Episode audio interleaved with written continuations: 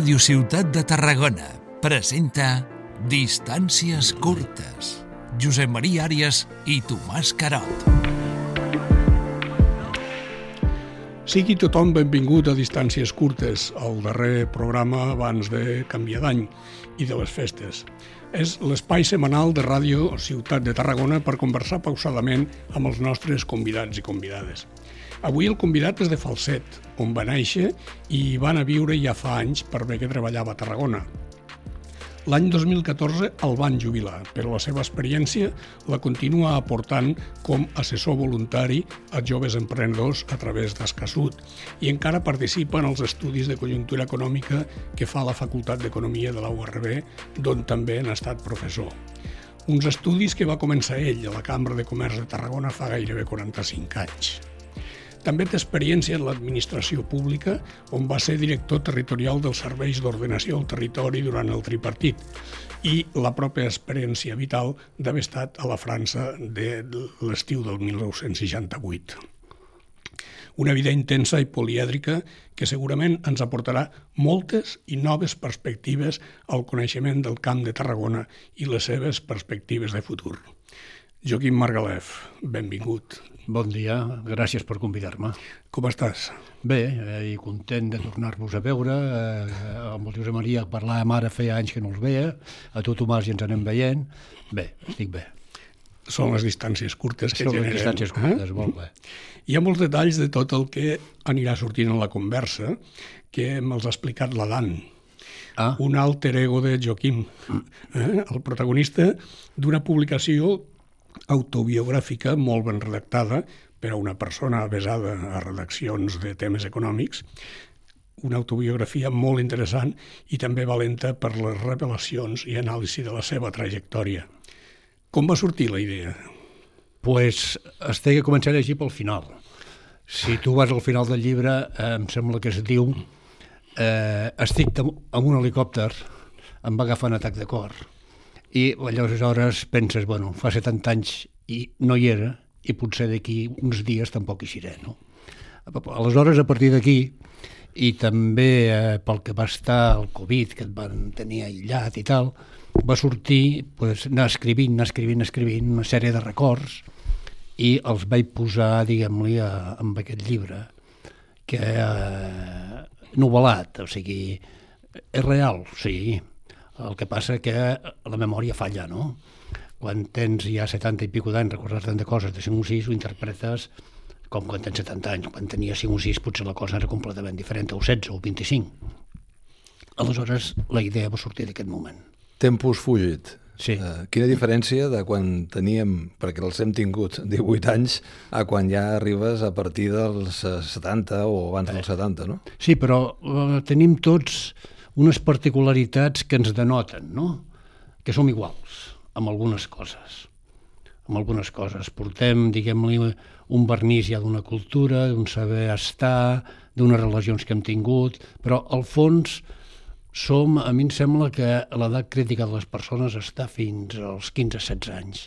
Aleshores això ja condiciona realment tota la forma de veure la vida, així com passat. Jo me'n recordo companys del col·legi, eh, jo vaig estar sis anys intern als Salesians a Reus, companys del col·legi que veus ara i els identifiques de com eren llavors. Economista. Sí. Um, I això no, no, no es jubila, és, això és un, un, un ofici. Eh, a nosaltres ens passa el mateix, el Tomàs i el mi, amb, amb l'ofici que vam triar en el seu moment, del de periodista, és una, una activitat que t'acompanya en diferents formats, no? A veure, els meus fills em preguntaven què és això de ser economista perquè al col·legi no ho sabien explicar. Jo tenia problema per explicar als vells què vol dir ser economista. Perquè normalment ser economista és una persona que està en una empresa, el departament financer, el departament de comptabilitat, eh, a màrqueting, inclús si m'apures, però jo no em vaig orientar amb aquesta vessant, jo em vaig orientar més que res a l'anàlisi de l'economia aplicada, a l'anàlisi global. Llavors explicar què és això és, eh, bueno, pot ser problemàtic, no? Pot ser problemàtic, però sí, dintre de tot continues llegint, continues analitzant, continues escrivint, i són coses que em vaig guardant per mi i, i, i bueno, de com van evolucionant les coses. Bueno, eh, economista i eh, una dilatada trajectòria tant des del camp de la recerca, de les publicacions, dels resultats d'aquesta recerca, però també com a eh, professor. Sí. Finalment a la facultat, però prèviament a la... Sí, catedràtic de secundària i, i donava l'assignatura d'organització empresarial. Això va ser la meva realitat més perentòria, jo diria, amb l'empresa, no?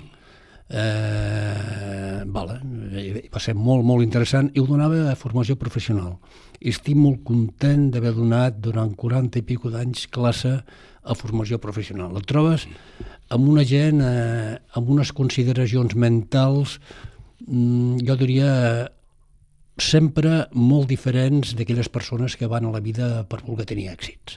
Ells són unes persones que volen sobreviure, que volen continuar, que volen ser feliços, volen treballar, i em vaig trobar molt bé, diguem-li, amb, amb aquest tipus de formació. I a la Cambra de Comerç, des, la Cambra de, de Comerç. des de l'any 79, també, sí. eh, amb el butlletí de conjuntura econòmica, Exacte. una creació pròpia, potser amb el Víctor Ferrer. No, ho va començar el Víctor. Eh, però la continuïtat sí, sí. durant molts anys sí. ha estat eh, un referent mm. per als periodistes de com anava evolucionant sí. eh, l'economia de casa nostra. Sí, o sigui, a veure, sempre ha estat un intent, les dades, n'hi ha moltes de dades d'economia, però agafar les dades per uns territoris petits a vegades es fa una mica difícil.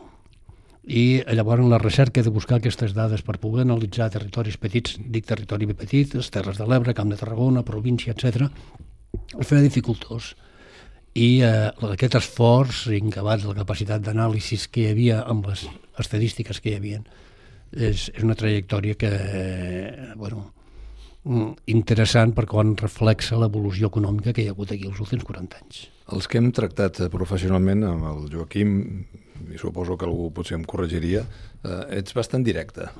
Oh. Eh, és bastant clar. L'any 2017, en una entrevista que et van fer a La Vanguardia, parlaves de, de la pèrdua de capital social, de cohesió, d'influència política del territori. D'aquest sí. el que et referies. Això venia a tom d'una publicació, si no vaig errat, és l'abans i el després de la crisi de, de 2008 a l'economia de Tarragona, un llibre que vas fer juntament amb, amb Daniel Miravet. Sí. Aquesta, aquella fotografia que tu dibuixaves o que tu aportaves al 2017 ha variat? No. Estem igual? Estem perdent pistonada? No, estem igual. Pensa o penseu que hi ha una cosa que s'ha de tenir en consideració. Eh, la relació de diferencial econòmic d'Espanya, eh, en general, de Catalunya també, no? I de Tarragona també, evidentment. En relació a la mitjana europea, estem igual ara que l'any 96-97. És a dir, no hem tingut un guany diferencial respecte al creixement de les altres economies.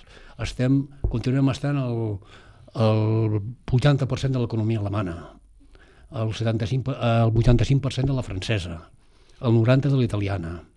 I això, vamos, hi ha hagut un dinamisme econòmic important, eh, amb el cas de l'economia catalana, espanyola i també de Tarragona, però aquest diferencial no es guanya, no es guanya. I per què? Ho dic perquè tu ets expert en diagnòstic, però sempre els periodistes acabem preguntant-te sobre el tractament per intentar revertir aquesta, aquesta tendència, no? Eh, per què? I, I suposo que sobretot pel tipus de creixement que hi ha hagut. És a dir, fins a l'any 2008 el creixement va ser sobretot especulació urbanística. Es van fer moltes cases i molta obra pública que en no van tenir cap tipus de servei, ni cap tipus de funcionalitat i eh, això portava a indicadors de creixement econòmic perquè es comptabilitza, és a dir, quan comptabilitzem l'activitat econòmica, comptabilitzem el que hi ha, no la funció del que hi ha. O sigui, els pisos buits valen igual per la comptabilització econòmica que un pis ple. Una infraestructura que no s'utilitzi per la comptabilitat econòmica val igual amb efecte directe, eh? no diríem efecte indirecte, que una infraestructura que s'utilitza. Un aeroport que es fa l'inversió allò té una valoració del PIB i en acabat, si, si no hi ha ningú, pues, bueno, continua tenint aquell valor. Aleshores, eh, el creixement econòmic va ser sobretot per això, per una liberalització del sol, per una, diguem-li, venda d'empreses públiques, que es va generar una capitalització significativa, diguem-li, dins del mercat econòmic o del mercat financer espanyol, amb una orientació cap a Llatinoamèrica important, hi van haver grans empreses multinacionals d'origen espanyol que fins llavors no hi eren, El, mateix va passar a Catalunya. Eh? I eh, a partir del 2008 ve la crisi i amb aquesta crisi pues, la Unió Europea va agafar eh, realment els plantejaments que hi havia llavors. O sigui, disminuir els dèficits. I llavors no hi va haver demanda. Inversió. No hi va haver eh, demanda ni d'inversió ni de consum. O sigui, baixar el dèficit, un control de la, la despesa pública. Crisis molt fortes a Grècia, crisis molt fortes a Espanya. Si se n'en recordeu, el 2012 o 2013 es deia que si teníem que ser intervinguts, que venien aquells homes de negre, etc. Uh, aleshores això es va trampejar com es va poder. En el cas català la cosa va ser més dramàtica perquè realment eh, els pressupostos no arribaven per una sèrie d'aspiracions de serveis públics que hi podien haver. A partir del 2016-17 se'n comença a sortir d'això. Llavors ve el Covid, el 19, no? llavors ve una guerra. I la realitat és que estem ara com a l'any 96-97. Mm, però precisament aquí a casa nostra sempre s'ha fet gala de que tenim un sector agrari potent i que a més investiga, eh, de que tenim una indústria química potent, tenim un turisme molt potent, tenim un port mm, que és, ha arribat a ser eh, dels tres primers de tot l'Estat, eh, tenim d'infraestructures no anem sobrats, però s'han millorat prou, mm, que està fallant potser eh, pot haver un futur en què l'àrea, la regió del coneixement, la, la regió Catalunya Sud, pugui tenir un impuls propi? A veure, anaves dient una sèrie de coses, són potents, són potents, són potents, jo t'estava escoltant amb una mica de sorna. Són potents en relació a què? No? O sigui, són potents però estem igual a aquesta potència que fa 10 anys. No? El turisme, quins canvis hi ha hagut? Pues, el turisme, si l'any 96 no es fa per l'aventura, el turisme hagués entrat en unes situacions difícil de pensar com podria estar. La construcció es va parar completament, amb això sí que eren molt potents, i la importància de la construcció la va tenir que eren capitals de la zona. Aquests capitals de la zona van permetre una acumulació interessant, que després no es va saber reinvertir, diguem-li, per altres activitats empresarials. En canvi, eh, el turisme sí, ha fet algunes coses, però jo diria que els principals hotelers de la zona tenen potser a vegades més confiança amb les seves inversions turístiques fora de la Costa Daurada. No? Si mirem la distribució d'hotels que tenen pel món, és una situació lògica. L'estacionalitat aquí és molt forta. En acabat, eh, la química. Mm, jo diria, eh, a veure, les grans inversions que es van fer als anys 90 del segle passat i al començament del segle XXI, sobretot amb empreses alemanes, això no s'ha tornat a donar eh, al segle XXI les últimes dècades no s'ha tornat a donar. Estem parlant d'algunes inversions puntuals que poden ser interessants, l'hidrogen verd pot ser interessant, o, o l'hidrogen, no? ja sigui verd, sigui gris o sigui negre, eh? de moment l'hidrogen pot ser interessant, però no acaba de quallar. I incabat el problema és que tenim l'avantatge, l'avantatge inconvenient, que és una economia oberta. És a dir, eh, a nosaltres el Covid ens va influenciar més que altres llocs perquè ens va tancar l'economia. I al tancar l'economia, què és el que va passar? Que no van venir turistes, que l'activitat econòmica no podia exportar, hi havia limitacions d'importació. Llavors aquesta economia oberta per si sola pues, es van encongir, es van encongir, es van encongir més que altres llocs. El PIB va caure més que altres llocs aquí. Tu tens experiència no només en l'anàlisi de, de, dels indicadors de, econòmics de, de la zona, a més a més una sèrie molt llarga després de, de molts anys, sinó que també tens referents d'altres països en els que potser la història els ha estat anat diferent. No?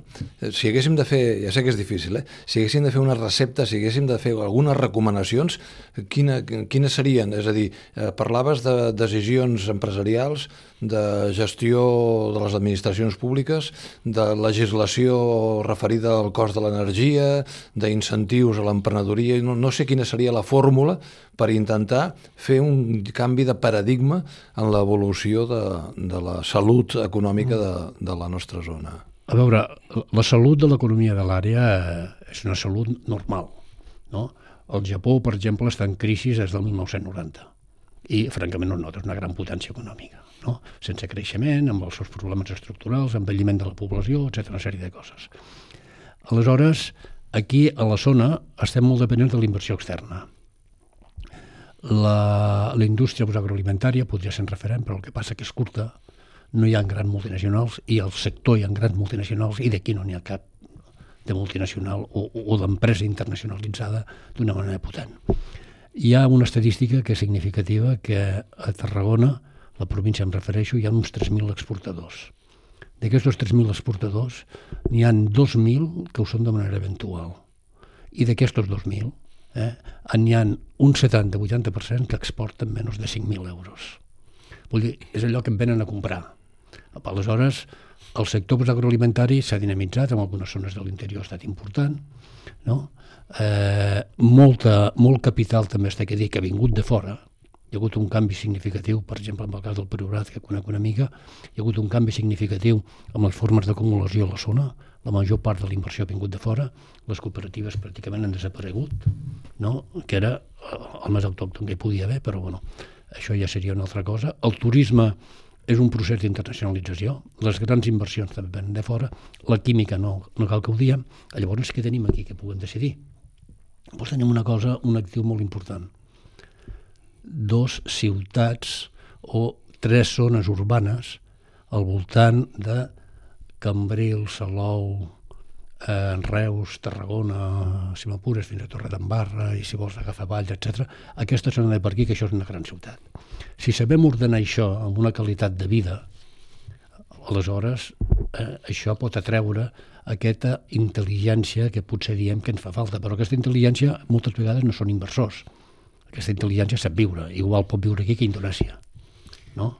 No són inversors. Però aquesta estructura territorial que hi ha sí que pot permetre, diguem-ne, amb aquest equilibri, fomentar l'activitat econòmica i procurar una de les condicions essencials, que els serveis funcionin, eh, que funcionen relativament bé, bé per la demanda que hi ha, i que a més de que els serveis funcionin, passi una altra cosa, que es visqui bé. I això és l'atractiu essencial que podem decidir des d'aquí, i amb la gestió urbanística essencialment i controlant inversions. Per tant, això ens porta al planejament supramunicipal dels 21 municipis de fa gairebé 50 anys i després altres intents que han hagut. Ara se'n torna a parlar i sembla que cobra força tenint en compte que Tarragona i Reus tenen alcaldes socialistes. Té viabilitat aquesta regió, aquesta... Ah, 21 municipis, jo hi vaig treballar. Per això... Vaig fer els estudis econòmics dels 21 municipis. Eh, això va ser l'any 77-78. Això es va trencar per una simple raó, perquè els ajuntaments no volien perdre les competències urbanístiques, i sobretot els petits. En aquell moment Reus i Tarragona pues, anava malament. L'alcalde de Tarragona l'alcalde de Reus no, no, no en jugaven massa. I en canvi també tenim que considerar una altra cosa. Reus ha estat l'última ciutat espanyola que ha tingut un pla general d'urbanisme. El primer pla general d'urbanisme de Reus no es va fer fins a mitjans dels anys 80 o sigui, funcionava sense planejament. Aleshores, hi han hagut diversos intents, diversos intents. Eh, els intents a mi em sembla que agafen empenta per les conjuntures i sobretot el començament de mandats postelectorals, no? Ara, d'això. Però això és un treball de llarg termini. Hi ha una sèrie de coses que estan parades aquí i que seria essencial per plantejar el, la funcionalitat d'aquest territori. La primera és l'ATM, l'Autoritat Territorial de la Mobilitat. Aquí és un organisme autònom que el seu Consell d'Administració formen part els, la majoria d'ajuntaments, Reus, Tarragona, Cambrils, Vilaseca, Salou, etc. Eh? I consideren que no existeix. Cadascú fa, Reus fa la seva política municipal, per exemple, en transports, i Tarragona fa la seva. Consideren que no existeix. Després, aquest seria un organisme d'estructura territorial important. Hi ha un altre que potser està en el cas de les brosses. És, és una estructura, diguem-li, territorial important de coordinació municipal. Hi ha un altre que és amb l'aigua. És una estructura de coordinació municipal. Però a partir d'aquí, plantejar àrees metropolitanes amb una autoritat que gestioni l'urbanisme, és que això a Espanya no existeix enlloc. Existeix a Barcelona i existeix a València però estan aparcadetes allà, aparcadetes, eh, amb imatge. O sigui, l'àrea metropolitana de Barcelona en aquests moments està redactant un pla director territorial per tota la seva àrea. Eh? Bueno, vale. I aquí també hi ha un altre factor important. A l'any 2009-10 es va aprovar el Pla Director Parcial del Camp de Tarragona. Això va ser molt significatiu perquè va considerar limitacions als ajuntaments a l'hora de marcar el seu territori, com moltes vegades interessos locals o projectes locals podien fer, ho va considerar d'una manera global. En Gavat es va programar un pla director urbanístic a la zona central del Camp de Tarragona. L'aeroport, eh, Tarragona, Reus, eh, tota aquesta zona del mig, no? I això es va aprovar abans i es va deixar aparcat amb un calaix. Fa 3-4 anys que s'ha tornat a començar a iniciar les redaccions d'aquest tipus de planejament urbanístic. No s'avança. Aquest és un de, dels dèficits del territori, aquesta volubilitat de les administracions a l'hora de prendre determinacions. Hi ha algun llum d'esperança. La setmana passada teníem, t'estàs assentat tu, hi havia l'alcalde de, el nou alcalde de, de Tarragona que deia una cosa que em sembla molt sensata quan li, li preguntàvem també per la manera de reordenar aquesta zona i és de posar-nos en el lloc del ciutadà. És a dir, prendre decisions en funció de fer la vida més fàcil als que viuen aquí sí. i, com a, i lligant-ho amb el que deies tu abans, fer-ho molt més atractiu pels que puguin venir cap, venir cap aquí. Aquest canvi generacional pot ser una esperança? Ho dic perquè l'alcalde de Tarragona té 40 anys, sí. l'alcaldessa de Reus també és d'una edat similar. Jo no sé si fa cal un canvi de visió, un canvi generacional per, per facilitar justament que d'una vegada per totes eh, es deixin certes miopies de campanar i es tingui una visió més global? Això eh, sí que es té i, i potser l'alcalde tenia molta raó en una cosa, atenem el que fa la gent, perquè la gent això ho entén perfectament com una zona metropolitana. Aquí hi ha tres mercats. Tres mercats que és igual per Vilaseca, pel Morell, per la Pobla, per Tarragona, per Cambrils. Un és el mercat de l'habitatge és comú a tot el territori aquest. L'altre és el mercat del lleure, també és comú. Es pot anar a comprar a Reus, es pot anar a comprar a Tarragona, es pot anar a comprar eh, a un segon, etc etc. I què va dir el mercat de treball. O sigui, la gent ja ho fa. La gent ja juga amb això com una àrea metropolitana. Eh? L'únic que sap moltes vegades és eh, si tinc que anar a buscar aquest paper, ah, tinc que anar a aquest ajuntament, però si m'aniria millor l'altre. Eh? La gent ja juga aquí com una àrea metropolitana. El plantejament de la universitat i diputació, és a dir, el paraigües de la regió del coneixement pot ajudar a superar aquest atzucac? Sí, sí. Com un valor afegit més a tot el tema. Home, la universitat ha estat un factor dinamitzador important aquí. Això és una cosa que no es pot negar, amb totes les seves branques, no? Totes les seves branques. Eh, I molt lligat amb l'estructura econòmica del territori. Eh, vale. Això té un impuls, té un impuls social, econòmic, significatiu. El que passa que la universitat és un dinamitzador, que no pot ser, és un dinamitzador empresarial per canviar estructures econòmiques. Té que ajudar amb aquests canvis que es poden plantejar per la seva integració amb la societat. I Incapat, que deies més? Un, la universitat i l'altre, quin altre no, element? I Diputació, és a dir, que han formulat el plantejament aquest de regió del coneixement, Catalunya Sud, dis-li com vulguis. Sí, el que passa que eh, la Diputació té un àmbit provincial i, i llavors quan juguem en un àmbit provincial hi ha diferències significatives, a vegades inclús de plantejaments. Però bueno, la, la Diputació pensem que és l'organisme o l'administració eh, del territori més important pel seu volum de despesa. Aleshores, és, és un actiu significatiu i aquestes inversions que fa i tota aquesta distribució territorial que fa orienta pel territori. Hi ha una cosa que a mi em sembla especialment significativa, potser perquè també he treballat amb el paper de la universitat, i és que ara, si analitzes els currículums de la majoria de, de nous polítics amb actiu, són gent que ha estudiat a la Universitat Rovira i Virgili. Sí. És a dir, jo no sé si això ha contribuït a fer una certa pedagogia i també eh, que no hagi de ser la universitat la que per absència de valentia, decisions o visió del polític hagi de jugar a vegades paper que no, que no li correspondrien.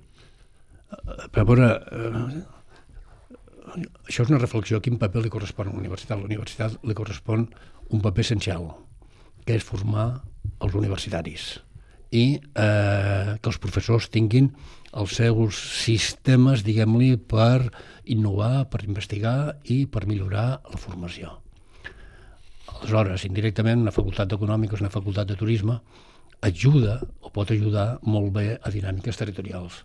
No? L'escola d'enologia, un altre element també clar. Eh, en podríem trobar d'aquestes, però eh, l'escola, l'enginyeria química també ha jugat un paper, etc. Sí que juguen un paper important, però no poden ser dinamitzadors econòmics. És a dir, hi ha, jo havia treballat en diversos eh, plans estratègics, i un, em sembla que es deia Tarragona 92, fixeu-vos què fa anys d'això. I llavors allà, sí, eh, sentàvem moltes persones, s'organitzava això, parlàvem molt, i fèiem una síntesi i dèiem estratègies de futur. Vale. Servia per aquell moment, tenia un impacte, jo diria, periodístic significatiu, també d'informació pública, però realment la majoria de coses que es deien allà han acabat pues, es, es guardaven totes al calaix, no? I, i, el cas més paradigmàtic d'això és que les Terres de l'Ebre també van fer un pla estratègic un determinat i que va ser la pròpia Generalitat que els havia dit això no m'agrada el al calaix, no? Però bueno. Uh, això ve molt bé per a introduir un altre tema. Quan va ser director dels serveis territorials d'ordenació del territori, vas poder fer realment tot el que t'hagués agradat fer, tenies previst, o vas topar amb el que és l'administració, com a mur eh, entre polític i burocràtic? A veure, jo vaig entrar allà un càrrec que no existia, perquè totes les conselleries tenien delegats i P2P no en tenia. Aleshores, a P2P hi havia tres serveis, unes Reus, carreteres, un urbanisme a Tarragona, un transport a Tarragona i un moment determinat també hi va haver habitatge. Aleshores, eh, la primera cosa eh, allà que va ser necessària, que tinc que dir que se'm va rebre molt bé i eh, tinc molt bones relacions amb les persones d'allà, va ser eh, fer valdre que hi havia un director. No? Això es van aconseguir amb les seves d'això. Penseu que primer em van fotre un d'espais de l'esgorfa i al final eh, al cap de 4 o 5 mesos jugant tal, el nou despatx estava al primer pis oi? Vale. Això l'administració dels llocs és, és sagrat després eh, em vaig trobar amb, amb l'ATM amb l'ATM, bueno, primer estic a dir una cosa que va ser molt positiva el tripartit governava a la majoria d'ajuntaments amb acords, i si no, arrastrava. I llavors aquí, amb els ajuntaments, es podia tenir molt bones relacions. Però em vaig trobar amb l'ATM. L'ATM era un, una estructura de fer estudis, de fer estudis, de fer informes i tal. I molt recolzat per Tarragona, pel secretari de la conselleria, pues, eh, muntar una gerència, una gerència efectiva. I llavors aconseguir la integració tarifària i que 20 milions d'euros dels pressupostos de la Generalitat vinguessin per potenciar el transport públic al Camp de Tarragona. Aquesta va ser una de les coses, un dia el conseller em preguntava quines dues coses consideres que d'això. Aquesta per mi va ser molt important i en acabat una altra ajudar a fer el pla director territorial del Camp de Tarragona que es feia moltes de Barcelona. I llavors aquí semblava que vingués imposat de fora. Jo me'n recordo que amb els tècnics redactors anàvem, jo anava amb ells, eh, que no era la meva funció, anava amb ells pels municipis i amb associacions, amb la Unió de Pagesos, amb sindicats, etc, explicar-los el que era aquell planejament. I aquestes dues coses van ser molt significatives, a part del bon record que guardo, diguem-li, de tot el funcionariat i de totes les persones que treballaven amb mi. Al llarg de la conversa has tocat temes que sembla que hagin passat una miqueta de, de, de costat i no, no voldríem que no hi féssim alguna reflexió. Has parlat de PortAventura, del paper que va tenir. En aquests moments hi ha un debat damunt de la taula, no sé si un debat majoritari o un debat minoritari sobre la, aquesta nova inversió que es pretén fer de, del Hard Rock. Jo no sé, primer, eh, creus que seria una contribució positiva a la dinamització de, de, del sector turístic? A veure, hi ha dues coses. Eh, eh, primera, que això s'ha polititzat de tal manera que llavors ja no saps quina lògica té. Però el que és evident que en una economia com la d'aquí, si no venen inversions de fora, la cosa es para. Això és una inversió turística molt important. Després, com es regula aquesta inversió i com es té que fer és un altre problema. O sigui, ha fallat primer el planejament urbanístic. Ha fallat també altres interessos eh, que hi han sobre això per la proximitat de la química, etc. Però, en principi, diguem-li, eh, es té que anar molt en cuidado de entorpir aquesta possibilitat d'inversió. Es té que reorientar com vulgui la zona, això sí, eh? com vulgui la zona. Però estem pendents d'inversions externes aquí sempre. El mateix podria dir d'aquesta fàbrica que vol a Montroig. Mm, pues passa el mateix. Estem pendents sempre d'inversió externa. Si aquesta inversió externa la tenim que reorientar d'acord amb les nostres necessitats, positiu. Si ja ens neguem en banda, aleshores això no porta enlloc. Altres coses que potser mm, no es que hagin quedat al marge, és que gairebé no han sortit, nuclears i port. Quin paper juguen? Perquè són importants en el territori des d'un punt de vista I en el PIB? eh, del PIB estructural i també de moviments eh, reivindicatius, no? Les nuclears només juguen eh, pel PIB, és, és una cosa fictícia, és a dir, tens eh, dos fàbriques d'escó i una Vandellós que hi treballen unes 3.000 persones en total, o efecte directe i indirecte, i que l'energia va per unes línies a fora. Vale. Catalunya depèn això del 50-60% d'aquesta producció.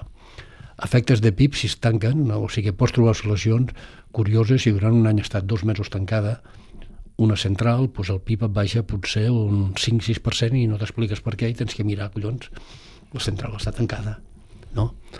Eh, el port, bueno, les centrals què passa? A l'any 35, igual s'allarguen o no s'allarguen, però de totes maneres de moment han, eh, han trobat un substitut important perquè és en aquella zona de la Terra Alta, de la Ribera, també part de la Conca, allà fora, que s'estan produint les majors inversions i la major producció d'energia verda, ja sigui la solar, ja sigui la eòlica, eh, si agafeu un planell veureu que totes aquelles serres que separen Tarragona de Lleida estan totes plenes d'instal·lacions, inclús per Tivissa.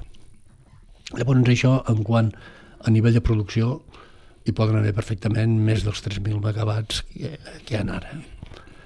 Uh, en quant al port, el port per mi té un greu problema. El problema del port és que no hi ha contenidors, que no té tràfic de contenidors. O sigui, és granel.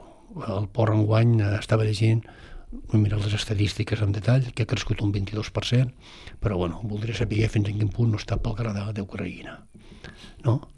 Eh, és a dir, el que genera valor afegit a l'activitat portuària és sobretot el tràfic de contenidors, incabat també les sortides ferroviàries del mateix. Anava a dir, un, un dels eh, elements limitatius d'aquest desenvolupament de, de, del port de Tarragona, ho ha dit la pròpia autoritat portuària, és el que la, la connexió ferroviària, de fet tot el mapa de, de comunicació ferroviària és, eh, no és l'ideal, no és l'ideal.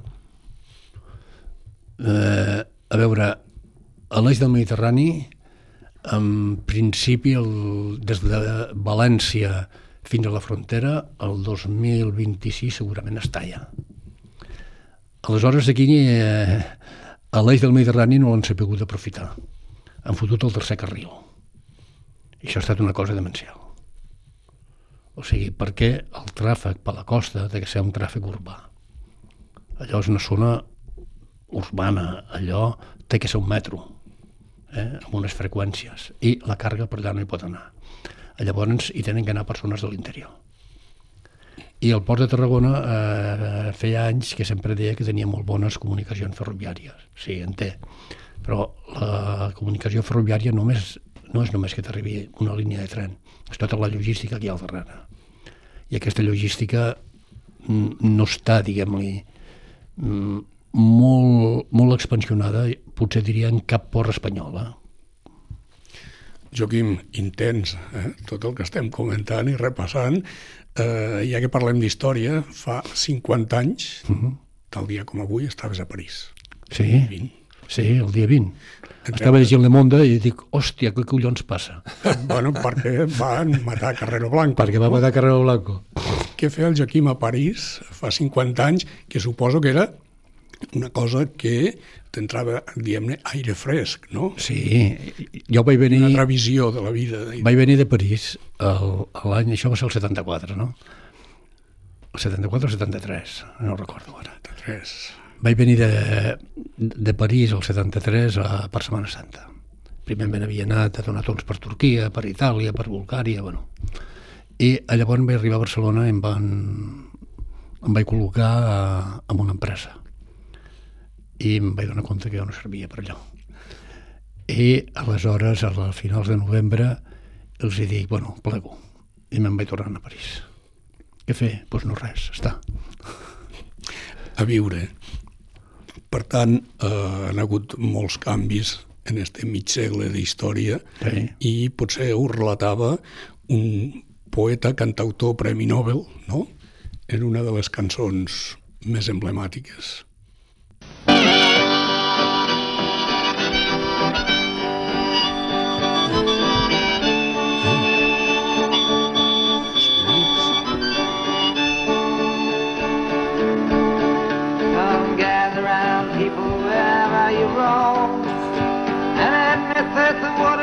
Sí que estan canviant els temps, sí.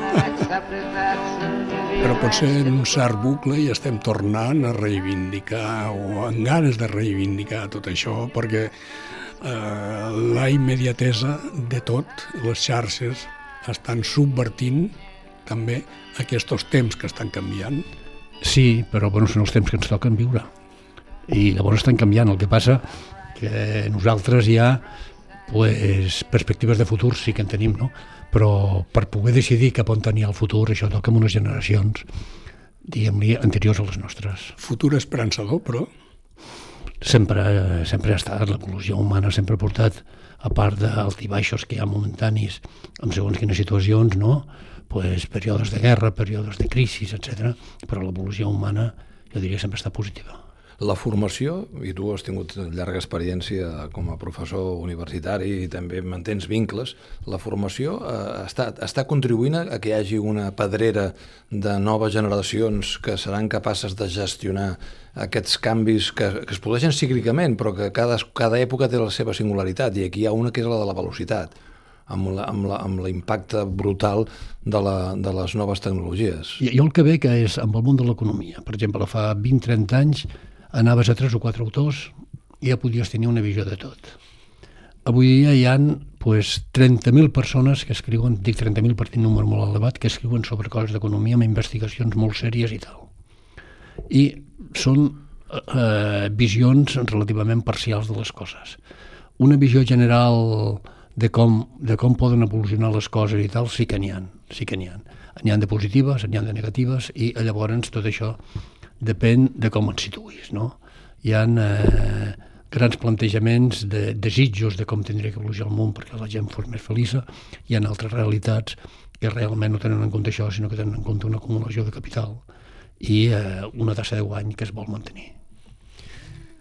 Joaquim, el temps eh, canvia, el temps passa inexorablement i arribem gairebé al punt i final amb aquesta gairebé sentència de que un temps millor ens pot esperar. Sí, home, sí. Així ho hem de desitjar i treballar per això i que ho puguem veure per molts anys, no? Sí, indudablement. Amb la qualitat de vida desitjable d'aquesta d'aquesta terra nostra, sí. que és tan mm, maca, preuada i generosa sí. en algunes coses. Sí, sí, no, no, tots aquests qualificatius estan, em sembla, molt ben utilitzats i, i, eh, i el país et, et permet, per lo menys, permet poder gaudir de totes aquestes avantatges que comentava. Jo hi afegiria aquest optimisme moderat de, del Joaquim, un desig que és que les potencialitats que tots reconeixem d'aquest territori es, es materialitzin, es converteixin en decisions i en gestió i en noves oportunitats.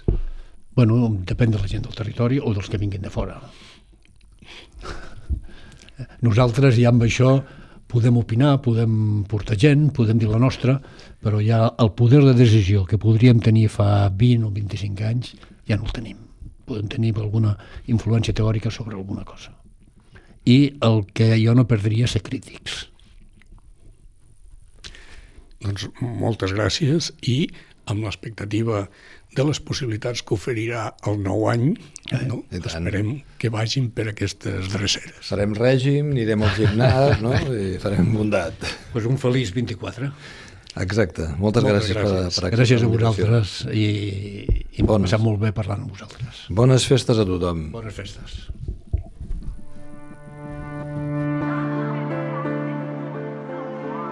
Distàncies curtes. Josep Maria Àrias i Tomàs Carot.